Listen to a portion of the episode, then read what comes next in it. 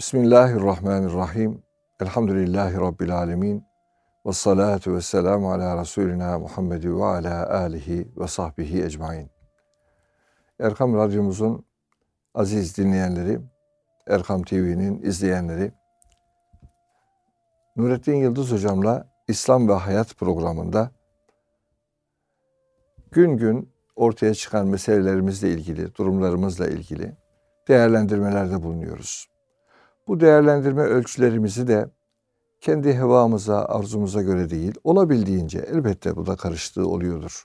Ama olabildiğince Kur'an-ı Azimüşşan'ın ve Resul-i Zişan Efendimiz sallallahu aleyhi ve sellemin bize koyduğu ölçüler çerçevesinde değerlendirmeye çalışıyoruz. Rabbimiz muvaffak eylesin. Kur'an'a baka baka Resul'ün izini süre süre bir tıyıp hayat, tertemiz hayat sürmenin peşinde olmaya gayret ediyoruz. Rabbimiz inşallah tertemiz hayatla rızıklandırdığı o bahtiyar kullarından eylesin cümlemizi diyerek bir duayla başlamış olalım. Amin. Hocam hoş geldiniz. Hoş buldum hocam. Allah razı olsun. Daha böyle bir canlı, dinamik, diri bir duruşunuz var hocam. Elhamdülillah. Şahitliğiniz güzel hocam. Allah Elhamdülillah. Hocam bugün e, şöyle bir konu gönlüme düştü doğrusu. Onunla e, başlamak isterim. E, hani Yüce Rabbimiz siz başıboş bırakılacağınızı sandınız. Kendi halinize böyle bırakılıvereceğinizi mi zannettiniz diye bir soru sorar. Ve bazen de hepimizden belki zaman zaman sadır olur. Ya yani ne yapacağımı bilmiyorum. İş yok, güç yok. Efendim, rotamı kaybettim adeta bir rotasızlık hissediyorum gibi. Zaman zaman insanın düştüğü noktalar olabiliyor. Bir kısmı da hayat felsefesi olarak belki ya günümü güne deyim. Yani bugün neyse o tarzında böyle hedefsiz, rotasız, pusulasız bir hayatın içine kendini mahkum ediyor veya düşüveriyor. İkisi de oluyor zaman zaman. Bir Müslüman için konuşalım. Böyle bir yapacak işi olmamak, ne bileyim ne yapacağını bilememek, her şeyi bırakmak, e, bir anlamda dağılmak, parçalanmak. E, böyle bir şey söz konusu olabilir mi? E, olursa efendim olması gereken ne? Olması gerekene nasıl bir yol bulur bir insan?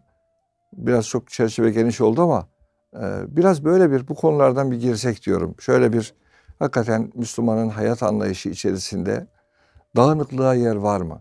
Yani dağınıklık derken daha çok belki hani insanın efendim dış görünümü, beden dili gibi anlaşılıyor ama hayır. Bazen işi dağılıyor insanın, kafası dağılıyor insanın, duyguları dağılıyor insanın. Böyle darmadağın bir insan oluyor.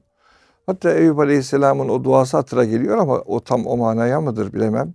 Eşkü bethi diye buyurduğu Allah'ım sana şu perişan halimi adeta e, görünümümü e, sana şikayet ediyorum. Demek ki bir peygamber seviyesinde de olsanız şikayet edilecek bir hem de Allah'a şikayet edilecek e, ve onun çözebileceğine ümitle ona yöne, yönelilecek bir konu gibi geldi bana.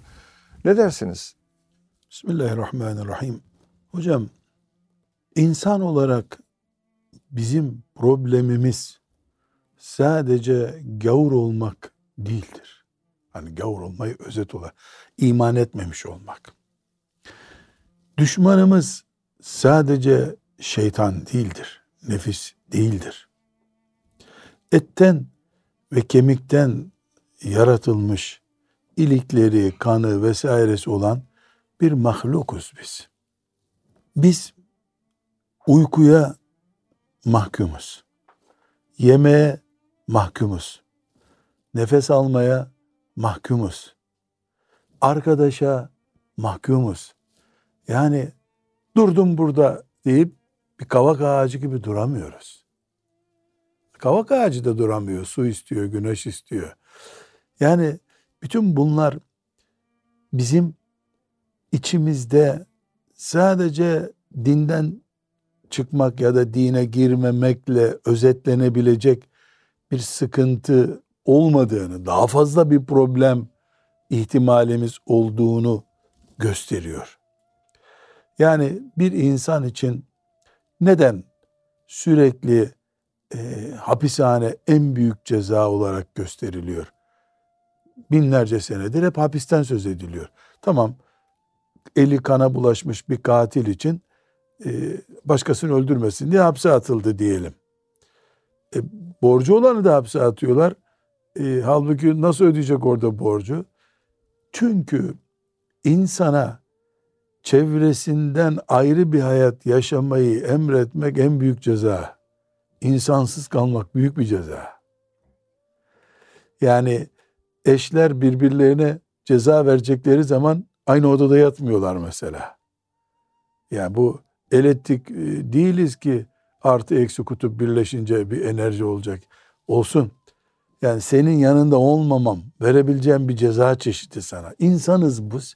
İnsan olarak bu açığımız yani bizim içimizde başkasına muhtaç olma, uykuya muhtaç olma, havaya muhtaç olma, görme arzumuz, duyma arzumuz, bütün bunlar insan olduğumuz için ortaya çıkıyor. Bu sorunlardan bir tanesi de becerip programla yaşayamamaktır.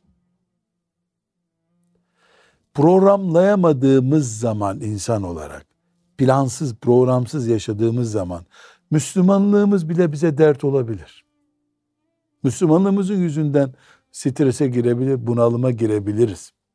Çünkü insansın ancak programlı, hedefli, planlı bir iş yaptığın zaman kendinde bir başarı hissedersin, mutluluk hissedersin. Yani namazla, Kur'an okumayı, zikir yapmayı hepsini 10 dakika içerisinde yapacağım diyen namazı çarçur eder. Zikir yapamaz. Tatil erkansız kıldığı için o namaz başına dert olur. Kıldığım zanneder kılmamış olur. Yani biz hem namaz kılmayı hem kurban kesmeyi hem de o arada anamıza babamıza itaat etmeyi 10 dakika içinde bunları nasıl yapabiliriz? Yaparız. Yaptı görünmüş olmak için yaparız. Bu hayat dünyada yaşanıyor. Dünya Allahu Teala'nın mükemmel bir planı ile işliyor. Güneş bir saniye şaşmıyor. Yağmurlar, denizler, toprak, bu yani biyolojik kurallar, fizyolojik kurallar, bütün bunlar dünya planlı bir yer olduğunu gösteriyor. Biz alabora edip bozuyoruz dünyayı ayrı bir mesele ama dünya planlı bir yer. Plansız bir insan çok iyi Müslüman olduğunu zannetse bile bu dünyada muvaffak olamıyor. Evet. Rabbim en büyük Müslümanlık işaretimiz olan namazı plan program üzerine kurmuş. Günde beş defa. Üstelik de 365 gün hep değişiyor. Değişiyor. Yani iki gün üst üste aynı vakitte namaz kılmıyorsun mesela. Sürekli değişiyor. O sürekli değişim seni büyük güneş gezegeni sistemine uygun bir insan olmaya mecbur ediyor. Mesela 30 küsür sene yaşayan bir Müslüman yılın her günü oruç tutmuş oluyor. Evet. Hiçbir e, hac öbür senenin haccıyla aynı günde yapılmıyor. Güneş illa Arafat'ta farklı bir yerden vuruyor.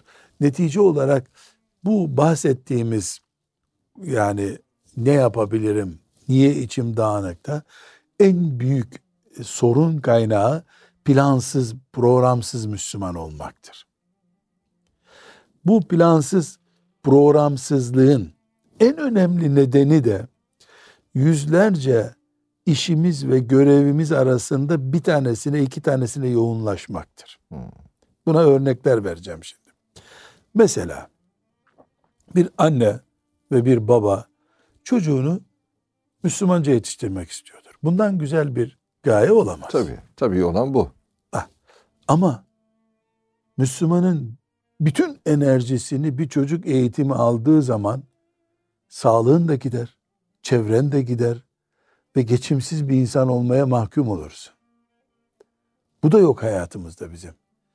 Yani bir Müslüman olarak biz çocuk eğitimini ihmal de edemeyiz. Çocuk eğitimini mabet haline getiremeyiz. Getirdiğimiz zaman ne olur? Sen çok uç noktalarda bir çocuk yetiştirmek istediğin için o da olmayacağı için bu hayatta ya çocuğuna beddua edeceksin ya kavga gürültü edeceksin ya kötü baba olacaksın ya da hedefine ulaşamayacaksın. Evet. Çocuk eğitimi çok önemli ama namazdan önemli değil. Haçtan önemli değil. Aileden önemli değil. Evet. Mesela dikkatimizi çekiyor. Çocuğun eğitimi yüzünden Ayrı karı koca kavga ediyor ve ayrılma noktasına geliyorlar. Ve mübarek yani bir ürün ortada o üründen dolayı fabrikayı dağıtıyorsun. Aile bir fabrika. Yani bu çocuğun aslını koparıyorsun. Demek ki biz ne yaptık? Plansız programsızlığın en zor bölümü olan yani en önemli noktası olan bir şeyi özümsemek olarak. Mesela buna bir örnek daha vereyim. Gıdamız ekmek üzerine kurulu bizim değil mi? Hep ne Evet. diyoruz? İstanbul'a niye geldi? Ekmek kavgası. Sanki sadece ekmek mi yiyoruz? Yok. Ekmek özü. Evet. Buğday bizim rızık ve gıdamızın özünü temsil ediyor. Bir insan sadece ekmek yiyerek 10 gün sadece ekmek yiyor. Sabah, ak- öğlen, akşam ekmek yiyor. Bir bardak da su içiyor. Sağlıklı mı bu insan? Sağlıklı Hayır. olamaz. Evet. Yani biz iki dilim yiyoruz diye doktorlar bir dövme diye kalıyor bizi. Fazla ekmek yiyorsun. Bir de sadece ekmek yediğini düşün. Ne oluyor?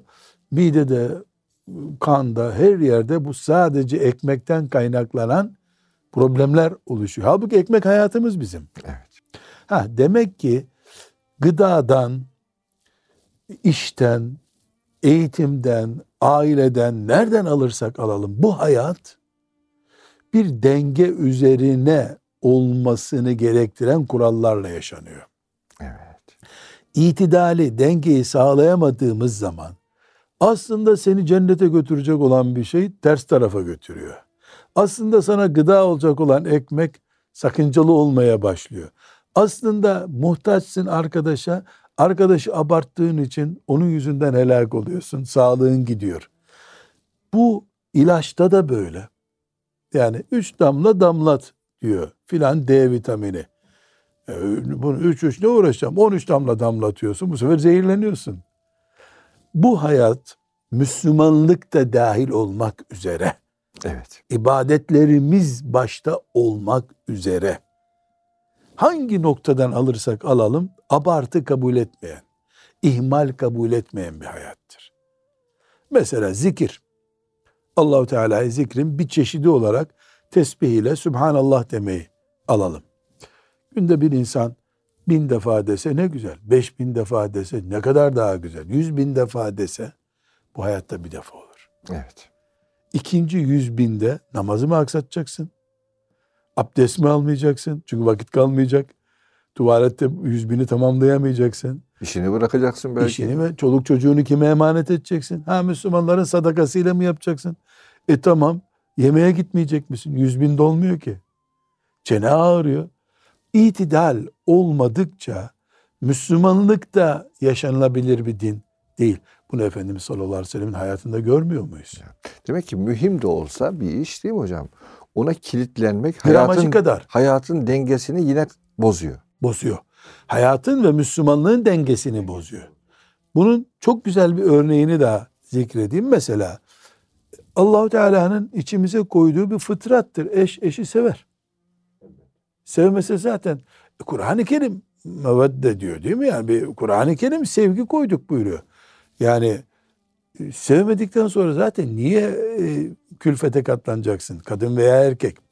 Peki bu sevgi tapınmak mıdır? Ölürse ölmek, yemezse yememek düzeyinde midir? Hayır. Bu abartıyı yapanların tamamına yakını daha sonra ters taraftan e, bu abartıyı yapıyorlar. Yani bir erkek hanımını, bir hanım kocasını sevmeli. Bu Rabbimizin verdiği bir fıtrattır. Ama e, bu sevgi anayı babayı çiğneyecek bir sevgi olamaz. Namazı bırakacak bir sevgi olamaz. Yani bu ilaç gibi olur o zaman. Nasıl ilaç 3 damla değil de 13 damla damlatınca iki gün sonra seni felç ediyor belki de.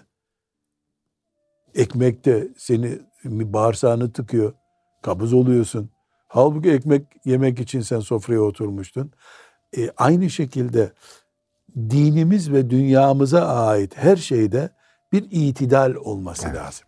Yani orada bir hakikaten planlamaya ihtiyaç var. Açık yani. Bu planın birinci noktası dengeyi kurabilmektir. Evet. Evladın oturduğu bir yer olacak. Evladın eğitiminin oturduğu bir yer olacak. Evet eğitmek bizim Allah'ın emri. Çağdaş da misyonumuz eğitilmek üzerine, eğitmek üzerine kurulu. Ama çocuğumu eğiteceğim diye okulun kapısında bir anne beklemeli mi beş sene, dört sene?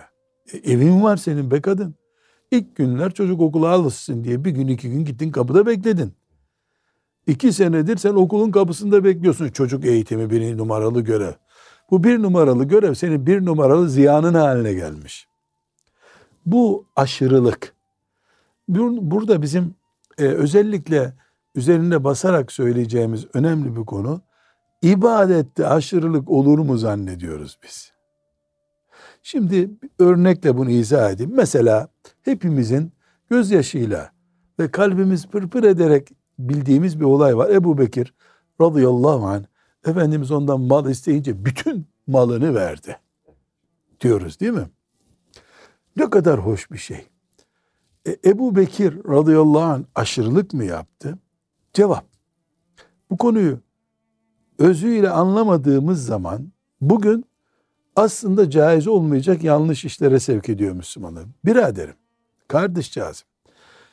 Ebu Bekir radıyallahu anh'tan Efendimiz herkes Tebuk gazvesine bir şeyler versin buyurduğunda malının tamamını verdi dediğinde 4-5 bankadaki hesaplarını getirip toplam kredi kartlarını Efendimizin önüne mi koydu diyor. Ya çıkardı cebinde 3 dirhemi vardı bu ya Resulallah dedi verdi. Ebu Bekir servet sahibi değildi ki. Zaten süt sağarak e, geçiniyordu. Yani o ilk evet, halife evet, olunca evet. da o işi de yapmaya devam etti. O günkü kazancını verdi. Bu yüzde yüz vermeydi. Ama çoluk çocuğunu aç bırakmak, e, sıfırlamak söz konusu değildi. Neden? E çünkü akşam gidip gene süt sağacaktı. Bir daha olacaktı. Yani o Ebu Bekir evet radıyallahu anh o bütün malını verdi dediğimizde bütün bankalardaki hesaplarını boşalttı, kasa kasa getirdi, teslim etti kadar Allah'tan ecir kazandı. Ama o değildi malı.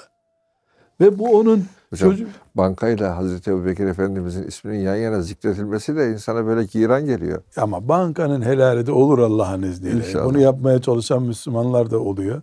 Dolayısıyla banka faizli demedikçe banka banka. O günün bankası da vardı. Evet. Yani o, o gün de bankalar vardı ama bugünkü gibi tabelaları yoktu. Beni Kaynuka'da mesela bir banka olayı yüzünden hani bir Müslüman kadına başörtüsüne dokundular da Efendimiz sallallahu aleyhi ve sellem onları cezalandırdı. O günkün şartlarında. Her halükarda yani bir itidal şart. Ebu Bekir radıyallahu anh verdi. Doğru. Ama akşam süs sağmaya gidecekti zaten. Gene çocuklarının rızkı açısından bir problem olmayacaktı.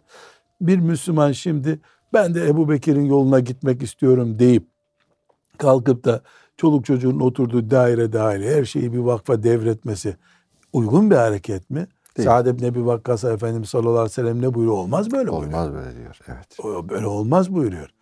E şimdi Müslüman bunu yaparsa tamam görünürde Allah için bir iş yapıyorsun ama Allah'ın istediği şekilde yapmıyorsun.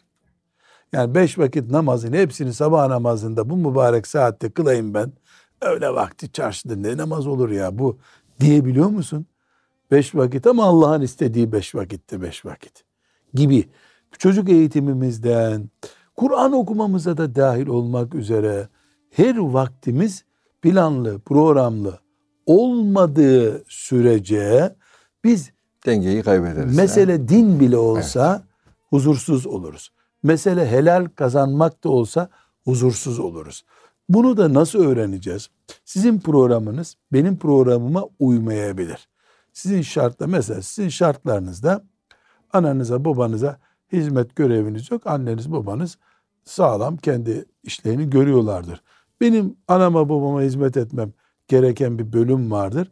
Dolayısıyla sizin planlamanızda benim planlamam. Mesela siz bir cüz Kur'an okuyayım derken ben de bir cüz Kur'an okuyayım derken ikimiz de hafızız ama siz çok rahat istediğiniz saatte okuyacaksınız. Ben anamın babamın e, bana e, ihtiyaçları olmadığı vakti bulup bir cüz Kur'an okumam lazım. Aksi takdirde hani hadis-i şerif hatırlıyoruz değil mi? E, Cüreyç hadisinin sebebi neydi? İşte namaz kılarken annesi çağırdı. E, o da namaz kılıyorum ben anneme nasıl bakacağım dedi. Anasının bedduası tuttu ona. Meşhur Cüreyç hadisi. Evet, evet. E, halbuki yanlış iş yapmıyor ki namaz kılıyor. Ama adam plan yapamadı. Plan yapamadı. Plan yapamadı. Bu plan yapamama evet mesela beş vakit namazda plan plan yok. Belli ne zaman kılınca. Ramazan orucunda plan yok. Haçta eh olabilir. Mesela örnek verelim. Annem e, yoğun bakım düzeyinde hasta. Sizin de haç Kur'an'ınız çıktı. Gidebilecek misiniz? Tek evlatsınız. E, erteleriz. Haccı erteleyeceksin. Kura'dan çıktı çıkmadı. Neden? Hac e, fevri bir ibadet değil. Yani hemen yapılması, Yapılması farz değil. gerekmiyor. Terahi üzerine bir, bir sene sonra yapılabilir bir ibadet. Kura çıktı çıkmadı ayrı bir mesele. Ama annenin yoğun bakımda olması günlük bir iş. Evet. Sizden başka da bakacak yok. Ha, Benden başka da bakacak yok. Tabii ki bunlar hepsi sıkışmanın ne noktada Olduğuna. olduğuna bakıyoruz. Doğru. Çocuk eğitimimiz de böyle, aile huzurumuz da böyle. Ben yakın günlerdeki bir e, konuşmayı zikredeceğim. İhtimal belki siz de tanıyabilirsiniz. O derece meşhur bir kardeşimizin eşi geldi. Eşini şikayet, hanımı yani şikayet etti. Bizim dedi dört çocuğumuz var dedi. E, Dördünün de yaşları birbirine yakın. En büyüğü 11 yaşında hocam dedi. Artık cinnet geçireceğim dedi. Ne oldu filan dinleyince tabii ki e, eşi çok büyük hayırlı işler yapan bir Müslüman kardeşimiz. E, hocam dedi hizmetçi tut diyorum dedi. O parayı Allah için birine verelim diyor dedi. Doğru diyor dedim.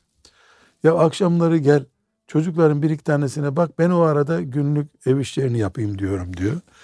E, ben bir Müslüman hizmetini nasıl bırakıp geleyim diyor dedi. Gece 11'de geliyor eve diyor. Sabah namazından önce çıkıyor diyor. Ya bir dul kadına hizmet ediyor, ya bir öğrenciyi bir yere götürüyor. Ben de cinnet geçireceğim. Yani Allah için yapılan işe engel mi olacağım diye korkuyorum dedi. Rica ettim. Dedim ki eşinizle görüşebilir miyim dedim. Tabii dedi. Zaten izin alarak gelmiş. Yani Nurattin Hoca'ya söyleyeceğim seni demiş. O öyle gelmiş. Eşi falan oturduk. Dedim ki güzel kardeşim dedim. Dokuz hanımından hiçbiri benimle ilgilenmiyorsun diye şikayet etmemiş bir peygamberin ümmetisin sen. Hiçbir fakir de peygamber benimle ilgilenmedi onu da demedi. Bu neyi gösteriyor? Ashab-ı Suffa'daki talebeleriyle de ilgilendi. Demek ki hayat bunların hepsinin dengeli bir şekilde yapılabileceğini gösteriyor. Doğru. Onları şöyle bir plan. Bak haftanın üç gününü kararlaştır. Bu üç gün deprem de olsa evde olacaksın sen. Bu kadını yalnız bırakmayacaksın. Kadın dedi ki hocam çok üç gün dedi ya bir gün yeter bana dedi. Allah Allah. Çok duygulandım. Baktım ki kadıncağız yani benim kocam niye benimle ilgilenmiyor da Müslümanların hizmeti böyle bir derdi yok. Bir gün evde çocuklarla biri ilgilensin, bir yeri kırmasın çocuklar. Ben de banyoyu mutfağı temizleyeyim de derdi var kadının. Yok dedim. Üç gün bile az dedim. Belki dört gün ama şimdilik üç günle başlayalım. Çok olmasın buna dedim. Adam durdu durdu. Hocam dedi yani kötü bir e, ülkede hapse girmişim gibi hissediyorum kendimi dedi. Bundan çok üzüldüm. Şöyle üzüldüm. Tertemiz bir niyet. Evet. Tertemiz bir niyet. Yani keşke ben de o niyet olsa Müslümanların çocuklarıyla işte dul kadınlarla, sakatlarla, hastalarla ilgileneceğim diye. Bende o heyecan olsa emin ol özeneceğim kadar güzel ama bir problem var. Bu çocukların 3-4 sene sonra büyüyünce onları hangi psikiyatre götüreceksin onu düşünmüyorsun. Şu anda çocuklar delilik yapamıyorlar. Ama anneyi delirtiyorlar. Niyet çok temiz, ibadet çok güzel. Hakikaten var mı yani bir Müslümanın e, yetim çocuğu için omuzunda Ömerlik iş bu yani.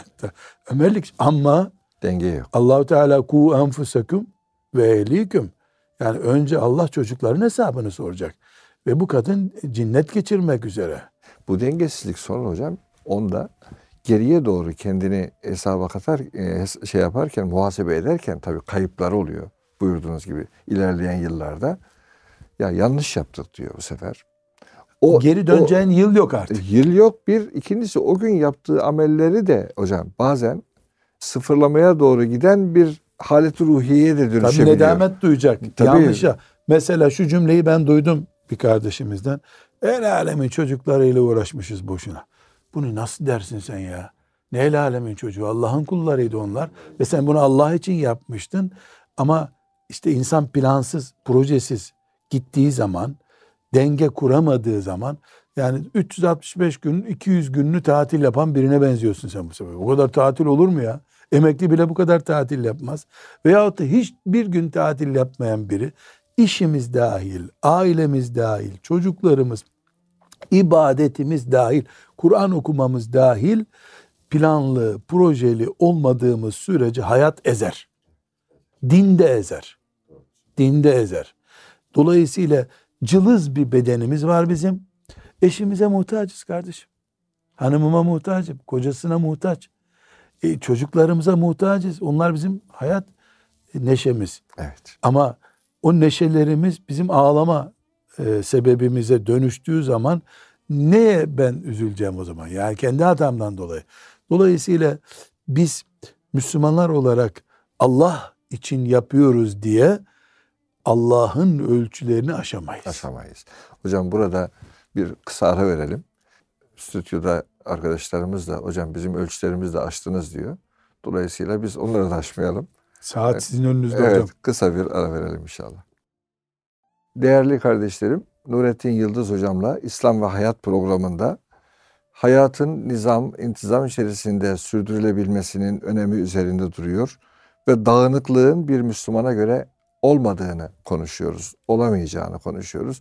Hocam birinci bölümde eee, evet hakikaten yaptığımız işlerin hepsi önemli olabilir ama önemli bile olsa bir işe kilitlenmek, her şeyi hayatı ondan ibaret görmenin de insana bir takım dağınıklıklar meydana getirdiği üzerinde durduk. Şöyle bir soru e, sorulsa nasıl cevap veririz? Hocam ben e, hakikaten günümü önemli şeylerle planlamak istiyorum. Yani planlı bir hayat olsun istiyorum. Bunu yaparken e, bunun omurgasını nasıl dizeyim? Hani kişiden kişiye farklı olduğunu da konuştuk biraz önce ama tamam olsun. Ana Bu kurallar. ha, ana şöyle bir önce bir hani inşaatçılar bir sütunları bir dikiyorlar, bir temel atıyorlar, sonra bir sütun dikiyorlar, sonra Ama önce onu kağıt üzerinde Kağıt çiziyorlar. üzerinde yani, çiziyorlar. Kağıt üzerinde. e, sonra efendim süslemeye varıncaya kadar bir e, şey oluyor, planı oluyor. Bu noktada dağınıklıktan kurtulma adına mesela insan ailesini e, hangi planda tutacak? İşini nereye koyacak? İlişkilerini, akraba ilişkileri var, arkadaş ilişkileri var. Bunları nereye koyacak? E, bakıyorsunuz birçok iş var önünüzde. İşte Allah için bir hizmet diyorsunuz. Allah yolunda cihat diyorsunuz değil mi hocam? Bir Müslümanın gündeminde olması gereken birçok konu var. Şimdi bunları böyle sıraya koyarken ehem mühim sıralaması diyorlar ya. O rotayı nasıl oluşturacak kişi? Evvela rakam verelim. Bir, bana dünya yetmez. Dünya küçük benim için. Ancak yerle gök arası kadar cennete ben doyarım diyen büyük gayeli olacağım. Güzel. Bu bir. Yani hayatı dünyadan ibaret görmeyeceğiz. Ve hayatı ve eşyayı beş dönüm değil, uçsuz bucaksız cennetler isterim. Bana 80 sene ömür yetmez. Bana ebedilik gerek. Yani faniyim ebedi bir yar isterim diyor ya. Evet, evet. Ha, öyle. Bir bu bu kafaya sahip olacağım. Ha, bu çok önemli. Bu. Yani dünya benim için bir basamak bile değil diyeceğim. Ancak Ömer bin Hattab'la buluştuğum cennette ben rahat ederim diyeceğim. Bu bir. İki, bu büyük gayemin yerinin bu dünya olmadığını da bileceğim. Peygamberler dahil kimse bu dünyada maksatlarına ulaşamadılar. Dolayısıyla burası bir istasyon. Burası fani, imtihanlı, çileli, çürük, posalı, tosalı bir yer burası. Dolayısıyla benim gibi büyük düşünen birisi bu küçüklükle imtihan ediliyor. Çaresizliklerle imtihan ediliyor.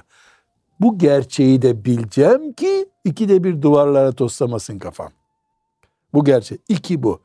Üç, Şimdi temel atıyoruz şu an. te- hayatımızın planını çiziyoruz. Evet, evet. Bu ikinci noktadan sonra üç. Şunu bileceğim ki sadece Allah için ne yaparsam o benim gerçek niyetimdir. Gerisi hep çöp. Allah için yaptığım kadarını O büyük kafam vardı ya bana dünya yetmiyordu. Allah için yaparsam helal. Demek ki o zaman her işim dünyada Allah için olabilir. Onun dışındakiler, Haramlar hariç. onun evet. dışındakiler zorunlu olarak mecburen yaptığım şeyler. Yani ben yiyorum, içiyorum zorunlu. Tuvalete gidiyorum, geliyorum zorunlu. Ama ibadetim için de şart gibi bakıyorum. Üç bu. Dört, biliyorum ki ben büyük şeyler istiyorum ama istediğim büyük şeyler için zaman yok. imkan yok. O zaman plan yapıyorum. A. Benim hayatımın öncelikli işleri var, önemli işleri var, gerekli işleri var. Üç şey.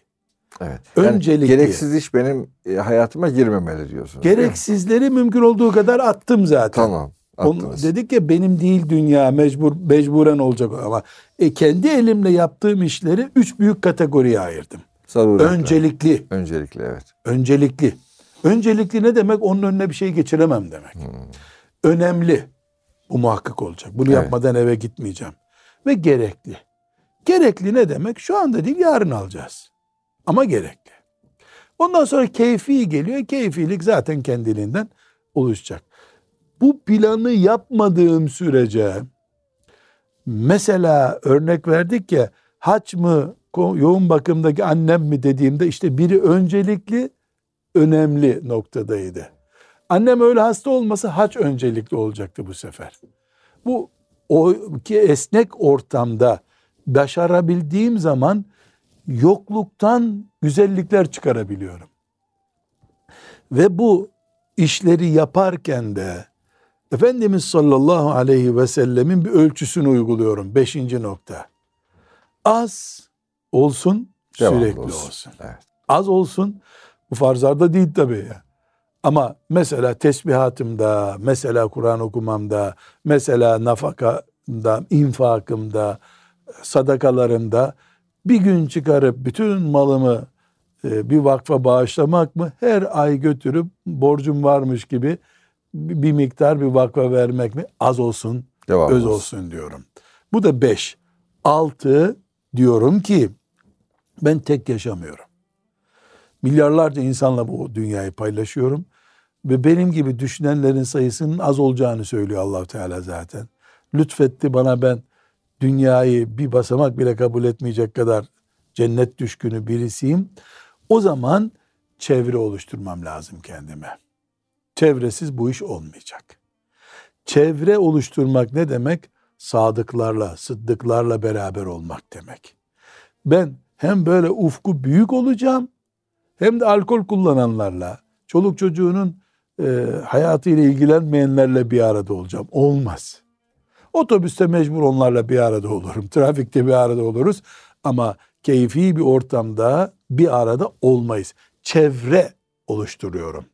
Çevre oluşturmam 5. 6. Helal başkası yok. Sadece helal var. Standardı uyguluyorum. Gıdada, bakmada, duymada, her işte helal peşinde koşuyorum. Yedi, diyorum ki ben böyle istedim diye, böyle planladım diye, iki senedir yapıyorum diye Allahu Teala bütün engelleri önümden kaldırıp tamam git kulum Firdevs'te görüşürüz demeyecek. Ne diyor Kur'an-ı Kerim Ankebut suresinde? Sizden öncekileri sınadık.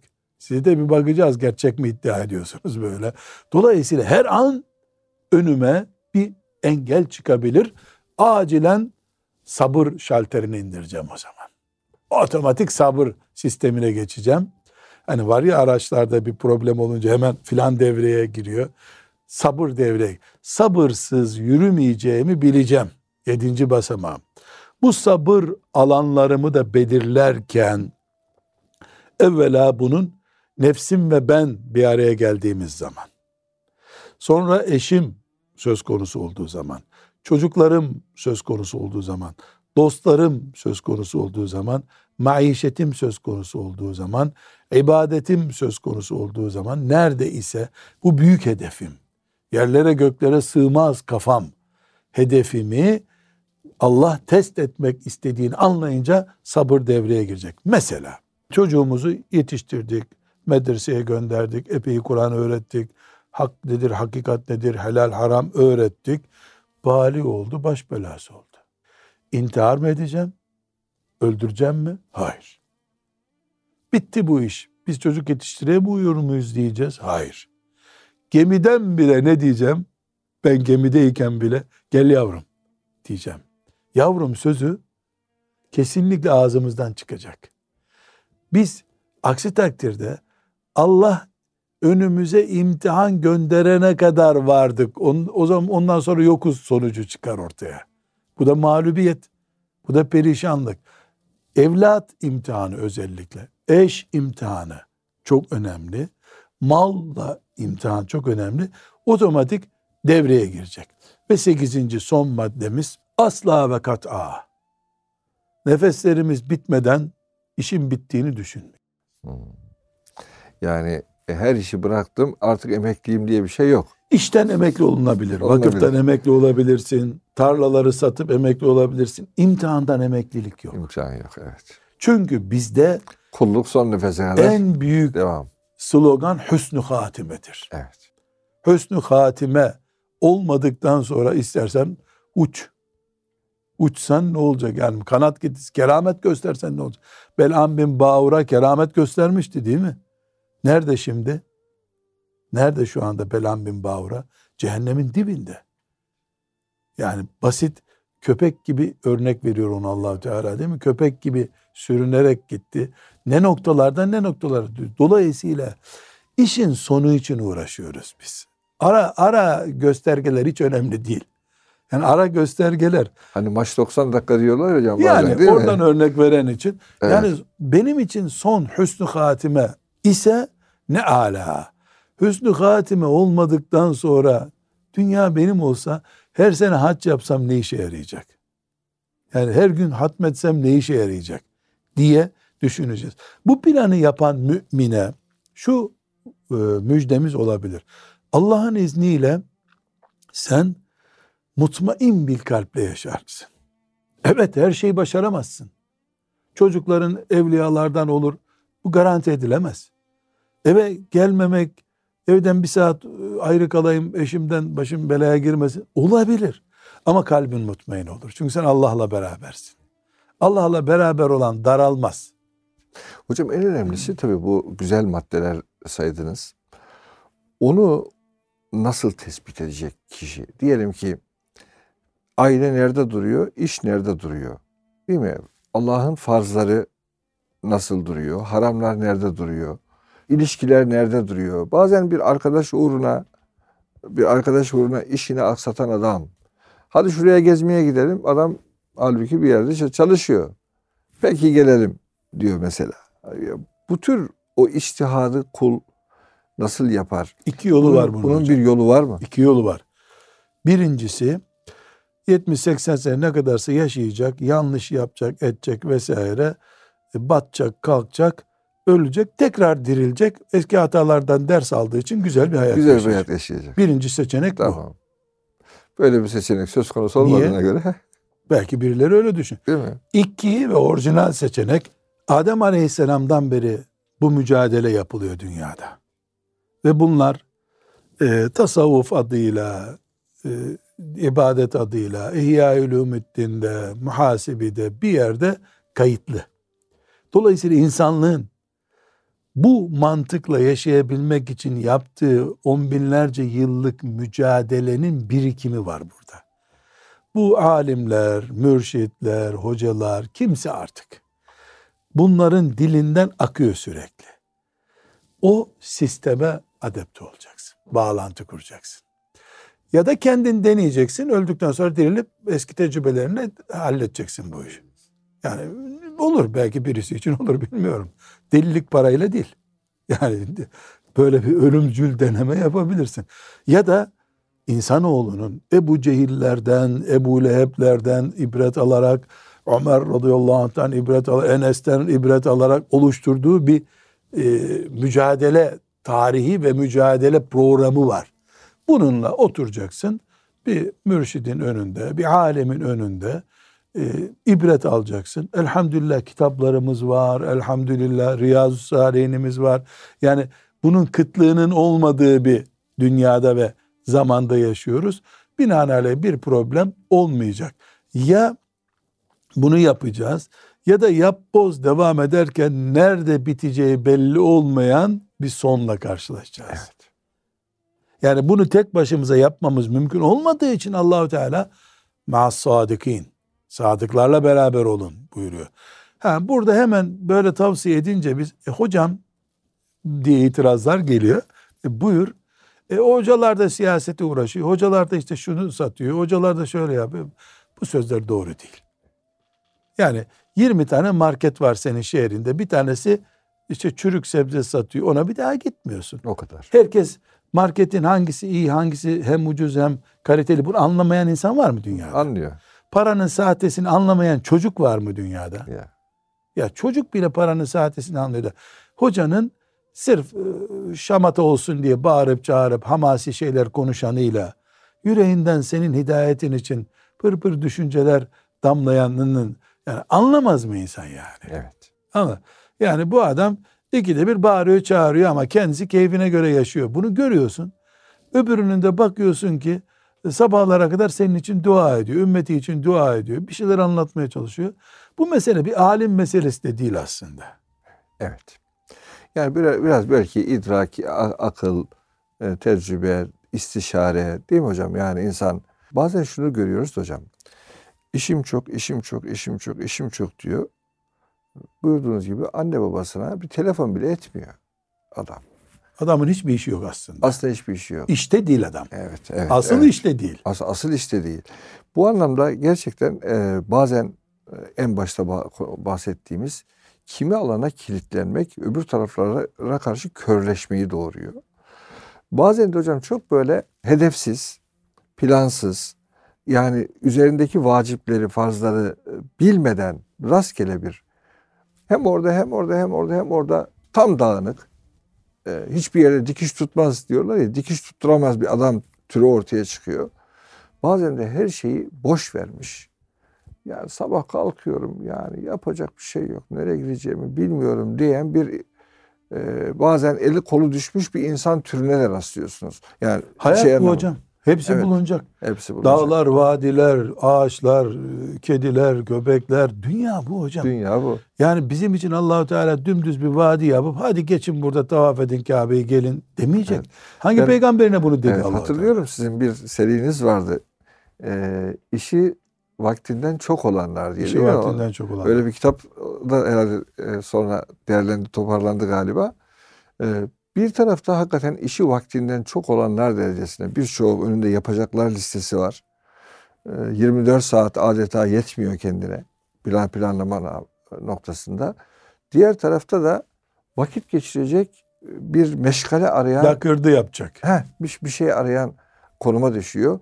Demek ki bütün bunlar sizin en başta ifade ettiğiniz o hayatı doğru planlama planlamamadan kaynaklanan değil mi hocam? Belki o ebediyet alemini e, görmeden sadece günübirlik e, yaşayan bir insanların düştüğü bir büyük dağınıklık oluyor Burada tahmin hocam ediyorum. müsaadenizle bir e, ara cümle sokmak istiyorum. Şimdi biz bunları konuşurken Allahsız, peygambersiz deniyor ya böyle yani abuk subuk imansız insanların hataları zannediyoruz. Evet onlar zaten yani enkaz tarafında Müslüman olduğu halde, Tabii, namaz tabii, tabii. kıldığı halde bu kaosa düşebilir bir insan. Düşebilir. Tabii. Düşer. Yani kaos gavurun kaderi değil tek başına. Evet. Yani planlamadığın zaman Müslümanı da ezer bu hayat. Ezebilir. Bekarı da, evliyi de, fakiri de, zengini de ezebilir. O yüzden insan olarak kaldığımız sürece damarlarımızda kan dolaşıyor. Etten, kemikten, ilikten oluşmuş bir mahluk olduğumuz sürece bu sözler hepimiz için geçer. Evet. İman ettin diye seni allah Teala muaf tutmadığı gibi üstüne üstüne sana imanından dolayı. Çünkü iman etmek ne demek? Daha iyi şeyler istemek demek. Daha iyi bir gelecek, cennet istemek demek. Tamam bunun da bedeli var. Sen menüyü çoğalttıkça fatura da öbür tarafta çoğalıyor gibi. Evet. Eh, e, aziz dostlar bu konu elbette daha üzerinde birçok e, belki e, düşünecek, e, söz söylenecek bir konu. E, fakat her insan hayatı e, öncelikle tek başına yaşıyor. Ama bu tek başına yaşadığı hayatı daha düzenli yapabilmek için de yardımsız değil. Yüce Rabbimizin kendisine gösterdiği hedefler var. Habibullah'ın yaşadığı bir tıyıp tertemiz bir örnek bir hayat var. Ve peygamber varisi dediğimiz alimlerimiz var. Ariflerimiz var. Onlara sonra sonra elbette olabilir. Sadece onlara da değil. Toplumdaki bir takım hakikaten hayatıyla örnek bir şekil ortaya koyabilen güzel insanlar var. Ee, o insanlara da sonra sonra Cenab-ı Hakk'ın verdiği aklımızı, kalbimizi devreye soka soka inşallah daha Allah'ın razı olacağı tertipli, nizamlı, intizamlı bir hayata elbette e, ulaşabiliriz. Cenab-ı Hak kul istedikten sonra ona nice nice kapıları ilham eder. Onun yolunu çizer. O hidayet eder Rabbimiz kullarına. Ellerinden tutar, hakikatleri gösterir. Ve hedefine ulaştırır. Bu yönüyle inşallah Cenab-ı Hak daha değerli toplu, daha düzenli hayatlar hepimize nasip ve müyesser eylesin.